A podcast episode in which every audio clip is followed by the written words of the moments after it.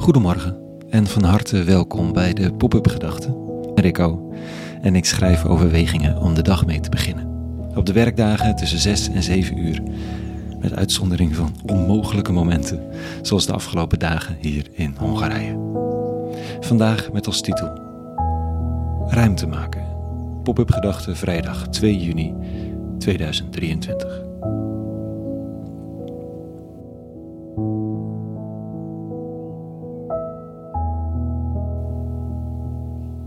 Drie dagen lang verblijven op een van de weinige plekken in Hongarije waar maatschappelijk engagement en eventueel verzet nog wordt gekoesterd en gevoed.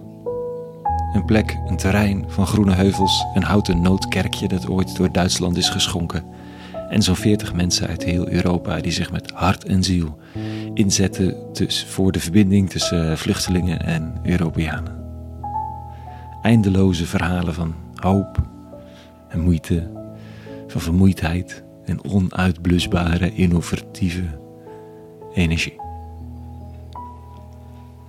En onder alles wat er gebeurt aan goedheid, schoonheid en waarheid klinkt de vraag naar de hoop. Hoe leef je en geef je jezelf als het resultaat op structureel niveau zo vaak nul is? Waarom zou je? Wat kun je nou ten diepste bereiken? Hoe hard je ook gelooft dat een mens die een steen in de rivier verlegt de wereld heeft veranderd, dat elk mens dat herstel heeft ervaren je complete inspanning waard is, dat elk moment van geluk en dankbaarheid opweegt tegen jaren van pijn en verdriet. Toch blijft de vraag naar de zin van dat alles zich in de schaduwen ophouden tot er weer een moment is van moeheid of onzekerheid, om zich dan weer in je hart en ziel te nestelen en je de moed te ontnemen. Vandaag in de lezingen van de dag een significant moment in het leven van de rabbi van Nazareth. Een moment van trillende woede, van zinloos geweld, als je het zo zou willen noemen. Van een symbolisch verzet tegen systemen die zich de volgende dag gewoon weer zullen herstellen en misschien wel sterker. Dit staat er.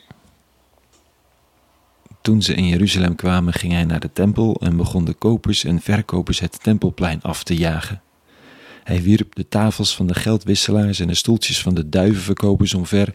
En ook dulde hij niet dat nog iemand enig voorwerp over het tempelplein droeg. En hij gaf hen als verklaring: Staat er niet geschreven: Mijn huis zal een huis van gebed worden genoemd voor alle volkeren, maar u hebt er een rovershol van gemaakt.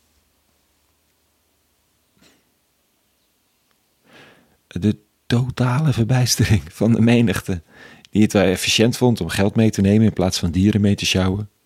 Dat je daarom misschien wel een offertje meer kan brengen. En dat gemak toch bedoeld is om de mens te dienen. Een rovershol. Dat is wel van dik hout, zaag men planken, hè? Daarmee jaag je de mens tegen je in het harnas. Dat is geen blokkade van de A12, het is de lege ranselen van de Tweede Kamer. Nee, daar scoor je punten mee. De resultaten van een dergelijke actie, de impact, de hoop, de structurele verandering. De vraag mag best gesteld. Maar met welk gewicht mag deze vraag binnenkomen? De vraag naar structurele verandering en, en, toekomst komt vaak binnen in jasje dasje als de baas van het geheel. Die komt zeggen dat het speelkwartier over is. Maar mag die vraag dat wel?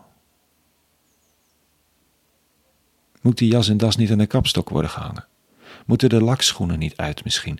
Moet deze vraag niet nederig beseffen dat ze blootsvoets heilige grond betreedt, als ze zich mengt in het gezelschap van mensen die met hart en ziel zich verzetten tegen onrecht en hun leven geven voor de verandering van die ene? Ik blijf de brief van Thomas Merton, de grote mysticus, aan een jonge activist lezen en citeren, gisteren ook weer. En hij schrijft. Wanneer je het soort werk doet dat je op je hebt genomen, moet je misschien het feit onder ogen zien dat je werk ogenschijnlijk waardeloos zal zijn. En zelfs helemaal geen resultaat zal opleveren. Zo niet misschien resultaten die tegengesteld zijn aan wat je had verwacht. Naarmate je aan dit idee wendt, begin je meer en meer je te concentreren niet op de resultaten, maar op de waarde, de juistheid, de waarheid van het werk zelf.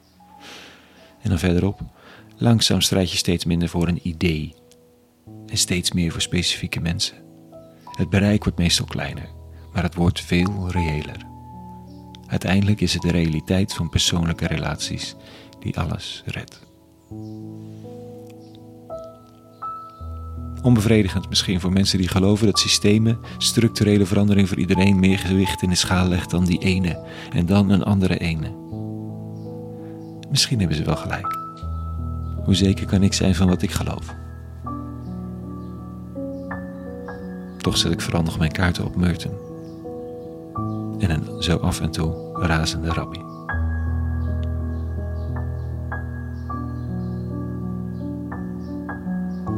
Tot zover vandaag. Een hele goede vrijdag gewenst en een goed weekend.